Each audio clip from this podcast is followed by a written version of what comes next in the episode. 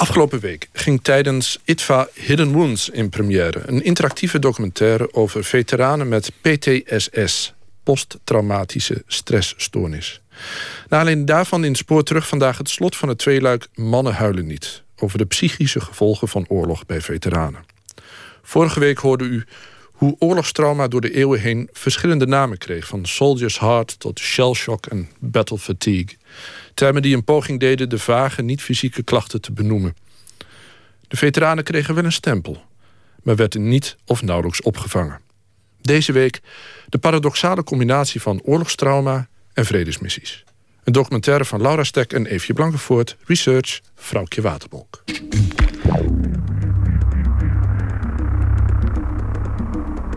When you come back, you are definitely a changed person.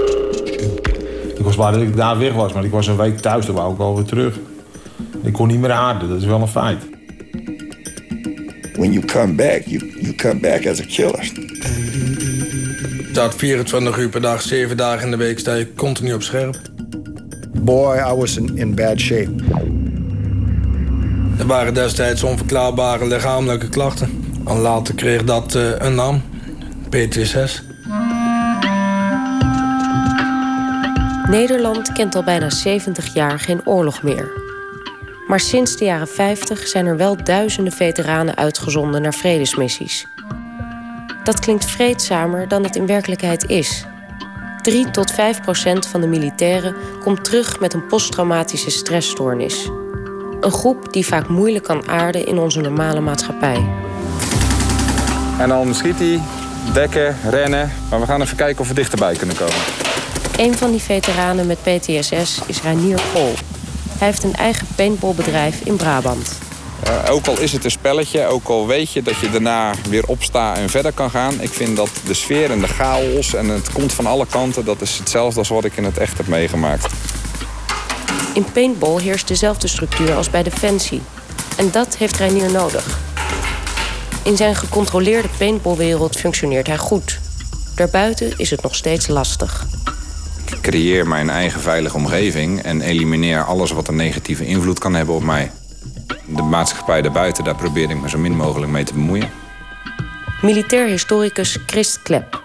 Grote groepen veteranen verdwijnen gewoon. In de meest letterlijke fysieke zin verdwijnen uit, uit de bureaucratie, uit de overheid, uit, uit de burgerbestanden. Omdat ze vinden dat de maatschappij niet datgene kan terugbetalen wat zij hebben geofferd. Nou, dan kun je als vervolgvraag natuurlijk stellen: kan de maatschappij, kan de politiek ooit terugbetalen? Nee, natuurlijk kan dat niet.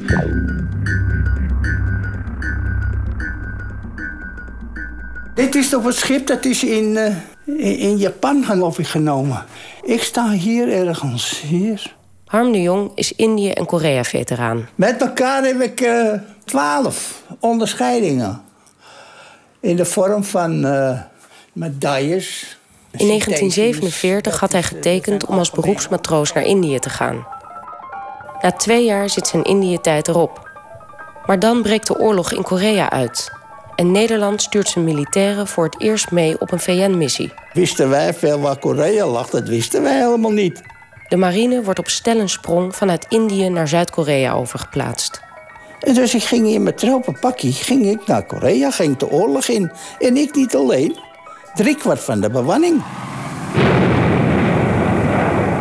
Nou, ze zeiden, ja, zes weken is het gebeurd. En dan ga je over naar Amerika naar huis. Die zes weken zouden twaalf maanden worden. De luchtmacht is zeer actief. Onophoudelijk worden tankkolonnes en vliegvelden der Noord-Koreanen gebombardeerd en met raketten beschoten. De Korea-oorlog is een van de meest heftige oorlogen geweest die Nederlandse militairen gevoerd hebben. Jos Weerts van het Veteraneninstituut. Relatief veel slachtoffers, eh, heel hoog geweldsniveau. En bij gevolg ook heel veel problemen die later zijn ontstaan. De oorlog brengt dood en verwoesting over het Koreaanse land. Bij ons gingen er 100 granaten per minuut uit. Het waren zulke grote dingen. En wat zou je zeggen van die Amerikaanse kruiser en de jager? Dan hebben we in tijd van 10 minuten hebben we 6000 Chinezen onschadelijk gemaakt. Maar dat deed me niks. Het was voor mij een ver van mijn bedshow. Niet de actie, maar de stilte. Dat is het ergst, zegt Harm de Jong. Het gevaar van een mogelijk naderende onderzeeboot of een onzichtbaar vliegtuig. Elke dag s morgens Als het zonnetje opging, alarm. Hup, dan zat je weer op je post. Want wat doen ze dan? Die vliegtuigen die komen uit die opgaande zon. En je ziet ze niet. En ze zitten bovenop je voordat je het weet.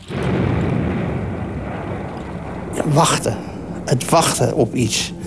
Dat is de spanning. Eerlijk waar. En dat nek je. In de zomer van 1951 wordt Harm de Jong teruggestuurd naar Nederland. Zijn tijd in Korea zit erop. We kwamen in Nieuwe Diep aan op 1 eh, juni en het anker ging erin. En uh, het Wilhelm speelt. En er viel een hele kei van me af. De spanning die viel weg. Ik denk, oh, nou ben ik weer thuis. Gelukkig. Maar hij merkt al snel dat hij door de Amsterdamse burgers... een stuk minder feestelijk onthaald wordt. Mijn vrouw die kwam uit de Jordaan. En ik, ik moest in uniform lopen. Hè. Ze zegt, kijk uit voor die jongens daar. Die staan op de hoek. Daar kan je rottigheid mee krijgen. En mijn, mijn, mijn toekomstige schoonfamilie zei ook dat ik een moordenaar was. Wanneer je een, een, een ingrijpende levensbedreigende ervaring meemaakt... een trauma meemaakt...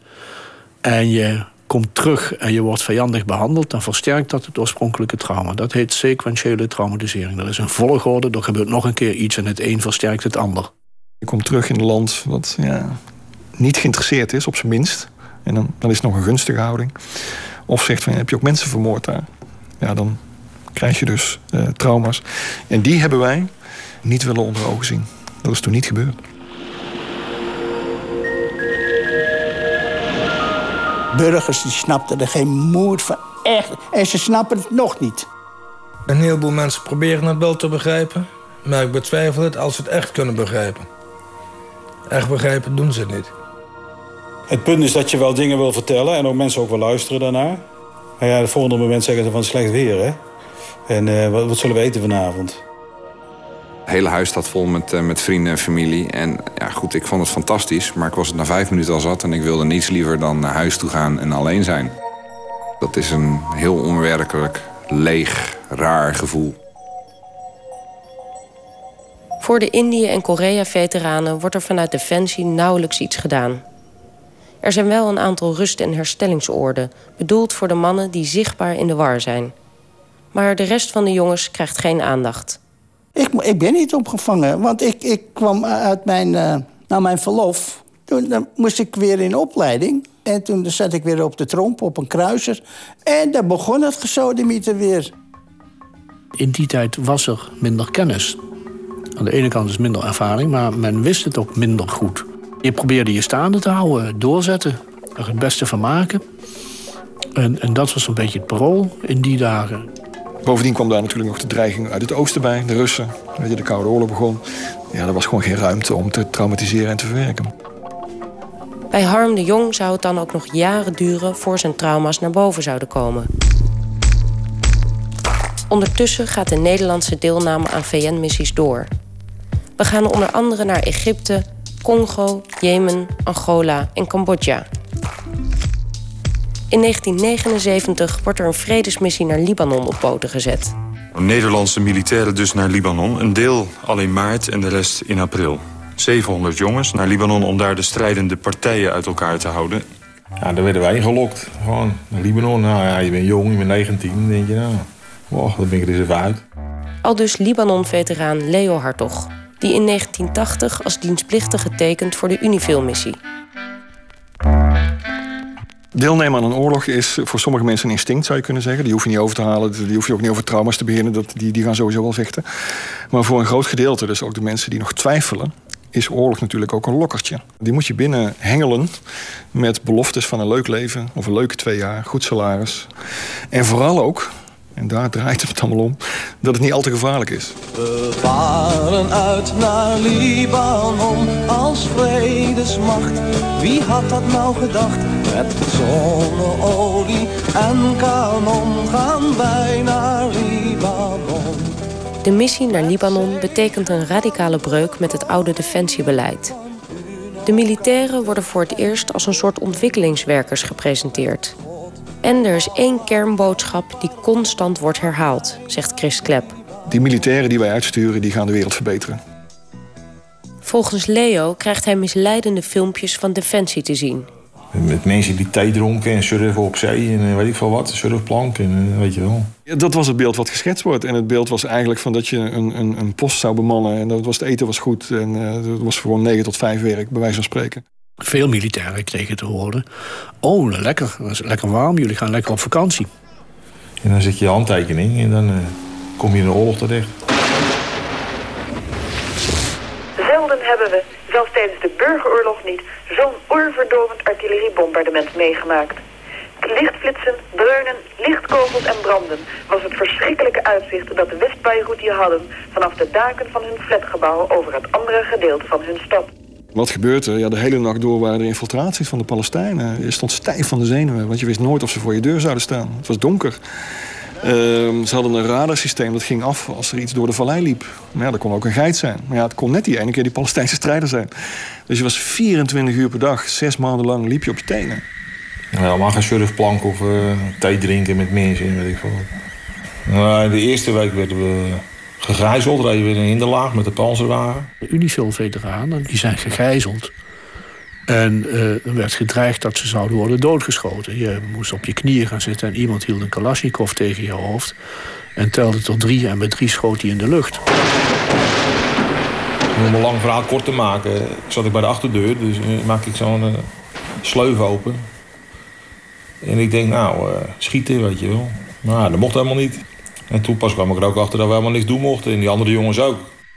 Ook pelotonsergeant Jos Remme loopt tegen de grenzen van het VN-mandaat aan. Dat er uh, gewoon iemand mishandeld wordt door een strijdende groepering. Een gewone burgerjongen die wordt mishandeld. Een Nederlandse post ziet dat, neemt dat waar, die soldaten. Melden dat en moeten voor de rest afwachten en thee drinken. Maar ze mogen niet ingrijpen. Wat bleek in de praktijk is dat zowel de Israëliërs als de Palestijnen zoiets hadden. Nou, wel handig dat die jongens hier zitten. Want de Palestijnen hadden zoiets van, nou, dat is een mooie buffer, daar kunnen wij doorheen. Dan worden we niet beschoten. En als we opgepakt worden, ja, nou ja, dan moeten we ons wapen inleveren. En dan gaan we gewoon weer terug. En dat wapen krijgen we straks toch wel terug van, die, van diezelfde VN'ers. En de Israëliërs hadden zoiets van, ja jongens, uh, met alle respect. Maar als die Palestijnen lastig doen, hebben we van jullie geen last, hè? Zeiden ze letterlijk, hè, tegen die jongens. Dat gaat aan je vreten op den duur. En dat is machteloosheid wordt dan een, niet alleen emotie, maar volgens mij wordt het ook een, iets in je lijf wat, wat zo gefrustreerd is dat, dat je je hele leven niet meer vergeet. Nou, daar sta je dan met je vredesoperatie en je goede bedoelingen. En het bericht wat je in Nederland nog hebt meegekregen, hè, van dat je dat goed gaat doen en dat iedereen zo ontzettend blij is dat je er bent. En natuurlijk kwam een groot gedeelte van die jongens heel gefrustreerd terug. Zo ook Leo. Bij terugkomst wordt hij direct opgevangen door Defensie.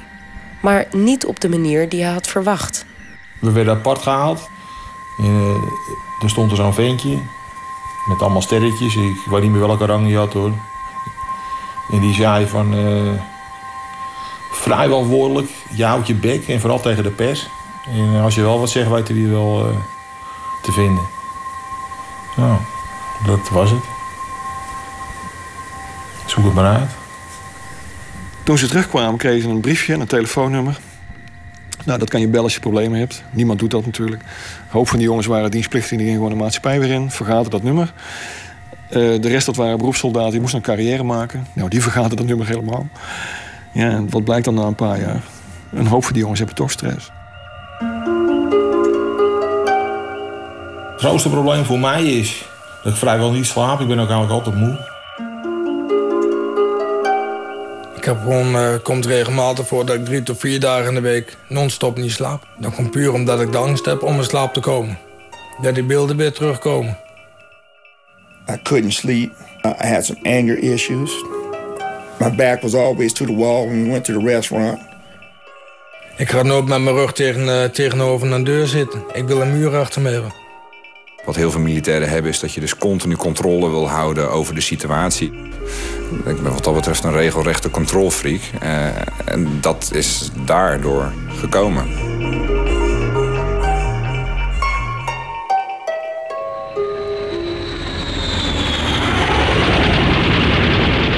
Ondertussen waren er in Amerika tienduizenden veteranen teruggekomen uit Vietnam. Een oorlog die na 20 jaar in 1975 was geëindigd. De publieke opinie over de oorlog was gedurende die jaren 180 graden gedraaid. De militairen waren als helden vertrokken. maar keerden terug als verliezers en moordenaars. Dat vertelt Vietnam-veteraan Gary Phillips. I was proud to be a soldier. At the airport, I had some issues. A guy came up to me and called me a killer and a baby killer. And I hit him and knocked him out. Bam! Knocked him out. Amerika was er natuurlijk sinds de Tweede Wereldoorlog niet meer gewend om grote groepen mensen met raar gedrag op het eigen grondgebied te hebben rondlopen. Mensen die ook vaak gekke dingen deden. Hè, moorden pleegden, zelfmoord pleegden. Eh, zich voor het Witte Huis in brand staken. Die het leven van eh, de, de Harley Davidson kochten en door, door het land gingen trekken... omdat ze geen, geen plek meer hadden om, om te settelen. Die, die de meest verschrikkelijke dingen deden. I would fight. So I had that aggression. Gary Phillips vertelt over zijn extreme woedeaanvallen na terugkeer. In een bar krijgt hij ruzie met een andere man. Hij geeft hem niet alleen een klap. Hij trekt zijn oogballen eruit. And pulled his eyeballs out. And uh, the guy's blind. He, he, they, when they tried to put it back, they couldn't get his sight. So that's when I realized, you know, hey, uh, I got to do something. John Rambo, one man who's been pushed too far. Begin jaren 80 komt ook de eerste Rambo uit. Over een jonge Vietnam-veteraan die kampt met psychische problemen.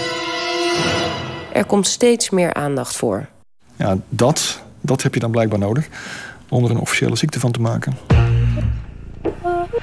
Toen pas, dus eigenlijk nog maar 40 jaar geleden, is men heel serieus gaan nadenken over posttraumatische stress als maatschappelijk probleem.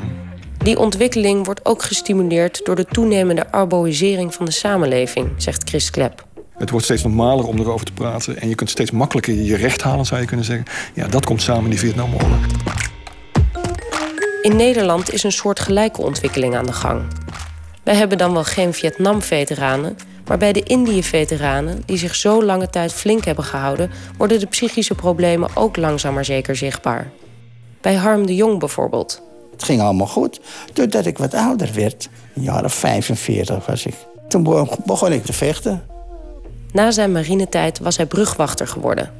Een baan die hem goed bevalt. Maar hij raakt nogal eens in gevecht. Ik heb wel op bruggen liggen rollen, zeg. En was er weer eentje, alleen een imbeciel, die staat hier op die brug. Ik zei, moet je tegen je moer vertellen. Dan zegt hij, wat zeg je? Ik zei, moet je tegen je vuile moer vertellen. Dat is een uitdrukking hè, bij de marine. Hij zei, kom direct bij. Ik zeg, dat is goed, jongen. Ik zeg, ik lust je. Nou, ik lustte hem ook. En dat was pats, bom. En dan lagen we te rollen.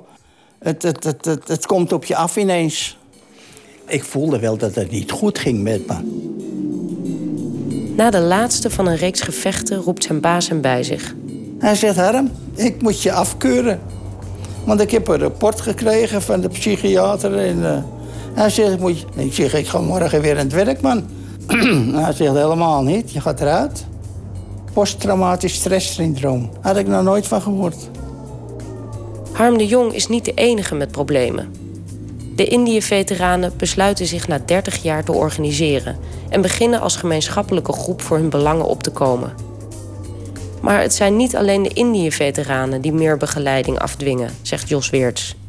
Tweede factor is het feit dat een aantal van de militairen die terugkeerden uit Libanon later in de civiele samenleving hun draai niet meer konden vinden. Gedragsproblemen kregen, uh, niet goed kon, konden functioneren, uh, depressief werden, uh, nachtmerries hadden, ook dat. prikkelbaar, antisociaal gedrag. Kort lontje, kort aangebonden, ook in de auto, weet je wel. Zodat je een beetje langzaam rijdt en wat verdomme, dit is dat en kwaad en verjaardagen en zo, weet je wel. Dat hoef ik allemaal niet. Hoor. Dat is in de jaren tachtig duidelijk geworden. Dat is voor het eerst gesignaleerd door de militaire hulpverleners. En die hebben aan de bel getrokken en gezegd: luister, het is niet alleen de Indië-veteranen waar we rekening mee moeten houden, maar we moeten ook rekening houden met het feit dat bij militairen die in vredesoperaties zijn ingezet, vergelijkbare problemen kunnen optreden. En daar moet je iets voor bieden. Die ontwikkeling leidt ertoe dat de term posttraumatische stressstoornis officieel wordt opgenomen in het DSM, het psychiatrisch handboek. Met symptomen, definities en behandelmogelijkheden. Het zouden eerdere vage termen als gevechtsuitputting en tijdelijke situatiegebonden stoornissen vervangen. Je ziet dat, dat op het moment dat een bepaalde diagnose geïntroduceerd wordt en het begrip gedefinieerd wordt. Veel mensen denken dat daardoor er ook een toestroom zal zijn van de mensen die binnen die diagnose vallen. Dat is niet zo.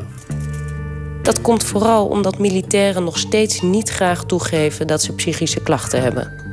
Want mannen in het leger, die huilen niet. Mannen huilen niet en mannen vertellen vooral niet dat ze problemen hebben. It's not something that soldiers especially want to admit. I was a Marine, damn it. I was a Marine officer. I should have been strong, and then I'm sitting there on the floor crying uncontrollably. Het is een taboe onderwerp, omdat nog steeds, eh, en dat geldt zeker voor, professionele legers, hè, we hebben nu een beroepsleger, dat veel mensen toch nog steeds vinden, en dat blijkt ook elke keer weer opnieuw uit enquêtes en de ervaringen, dat het benoemen van die trauma's, hè, dat je problemen hebt, dat je slecht slaapt, eh, dat je trillingen hebt, dat je eigenlijk gewoon bang bent, ja, dat dat niet goed is voor je carrière. Aan de ene kant is het hunkeren naar erkenning, tegelijkertijd was het de doodsangst van ja, als het dan erkend wordt, wat dan? Dan heb ik een rood kruis achter mijn naam, ben ik nummer 1 op de, op de exitlijst. Pijn is fijn, bloed moet en jeuk is leuk. Dat was ongeveer de, het credo. Daar heerste toen nog steeds een macho-cultuur. Als je een zwakke schakel bent, ben je er heel snel uitgevallen. At the time you feel very weak, defenseless, hopeless, ashamed. It's embarrassing, you know. Militairen zijn erop getraind, voor opgeleid en helemaal ingesteld op het kunnen realiseren. Het in staat zijn om. Je kunt je doelen bereiken. Maar wat gebeurt er als je je doelen niet kunt bereiken? Reinier Pol heeft na terugkeer uit Bosnië niet direct klachten. Maar door één specifieke gebeurtenis, iets waar hij geen controle over heeft, komt zijn oorlogstrauma naar boven. Ik rijd de ring uh, bij onze wijk op. En voordat ik die ring op wil rijden, snijdt een, uh, een courierbus snijdt mij de pas af. En ik zie dat hij door het rood rijdt. En ik zie dat een meisje op een fiets op zijn motorkap knalt. En die wordt gelanceerd en die landt een aantal meter verderop. Reiniers defensieinstinct komt direct naar boven. Ik weet nog dat toen ik haar zag landen... toen had ik zoiets van... Uh, zij mag blij zijn, ik ben er, ik ga haar helpen. Ik ben getraind als CLS'er, Combat Lifesaver heet dat. En je hebt zoiets van, ik kan dat nu in de praktijk brengen. Ik kan iemand helpen. Maar als hij het meisje in zijn armen heeft... ziet hij dat ze er ernstiger aan toe is dan hij had gedacht. En dat was ook het moment dat ik besefte bij mezelf... dat ik dus helemaal niks kon doen. En ja, dat, uh, dat daar was ik toen op dat moment uh, best wel stuk van.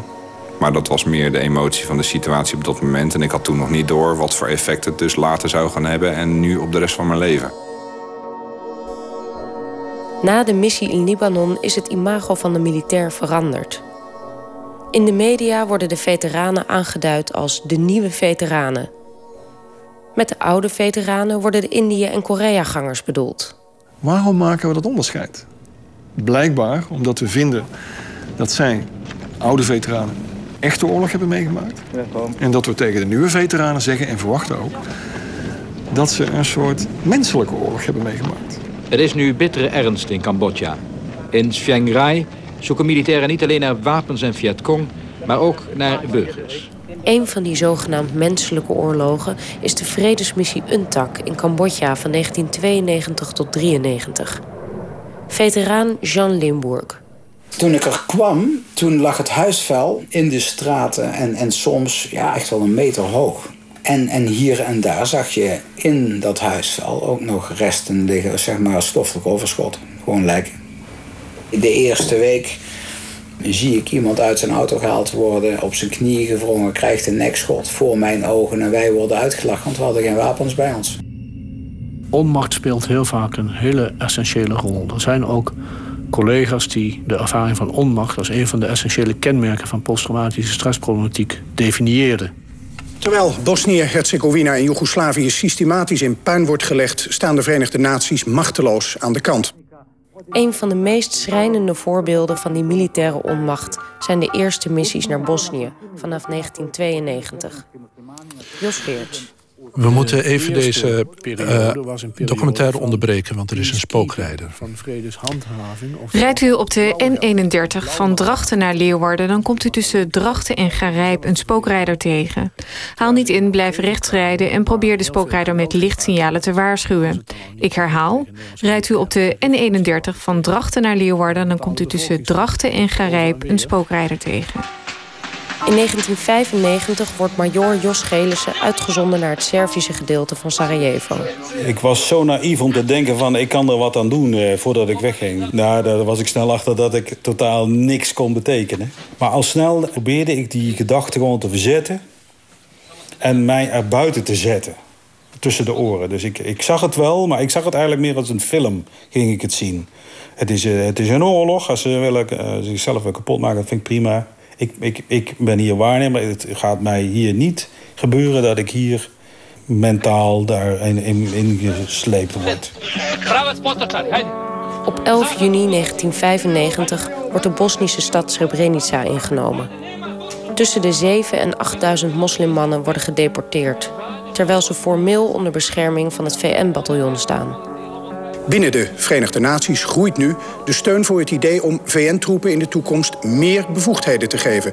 Niet leidzaam toezien hoe bevolkingsgroepen worden uitgemoord, maar daadwerkelijk en gewapenderhand ingrijpen.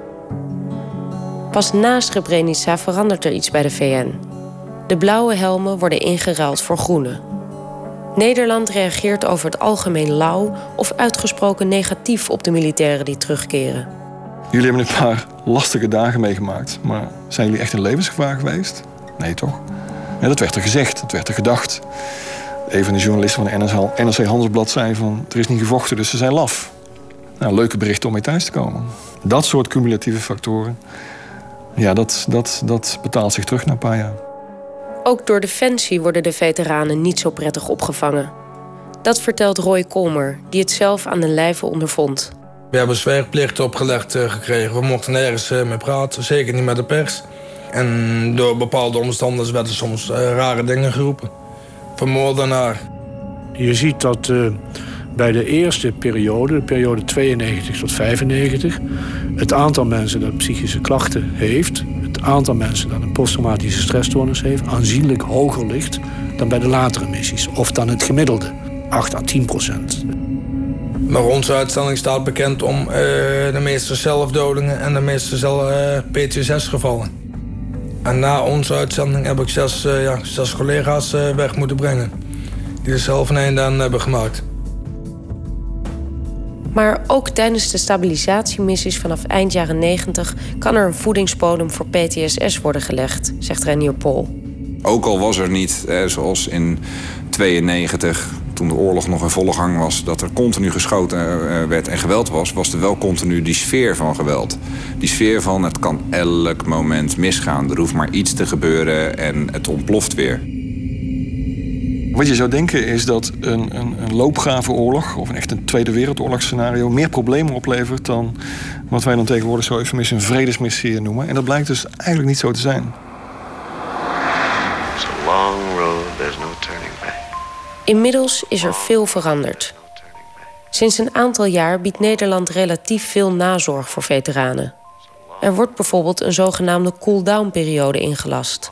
Bijvoorbeeld in, eh, in Afghanistan weet ik, daar wordt daar uitgebreid over gesproken. In de periode dat ik er zat en daarvoor was dat niet. Waarom heb ik dat niet eerder geweten? Waarom heeft niet iemand mij eerder geholpen? Waarom heeft niet iemand mij opgevangen destijds al?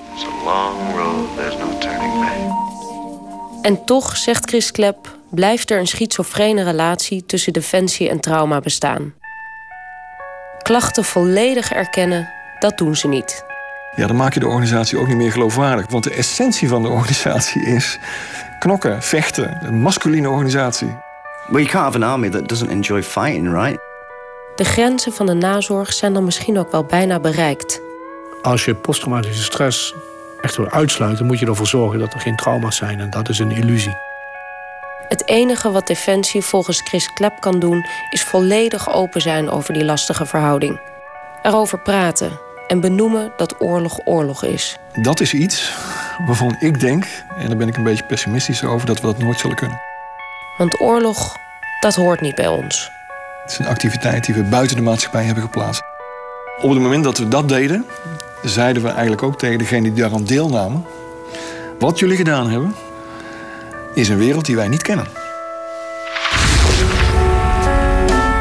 De adrenaline raakt een keertje op. I remember sitting there with a handgun in my lap, thinking about blowing my head off. Het kaarsje was helemaal op. You feel very lonely and you don't know what's wrong with you. PTSS genees je niet van.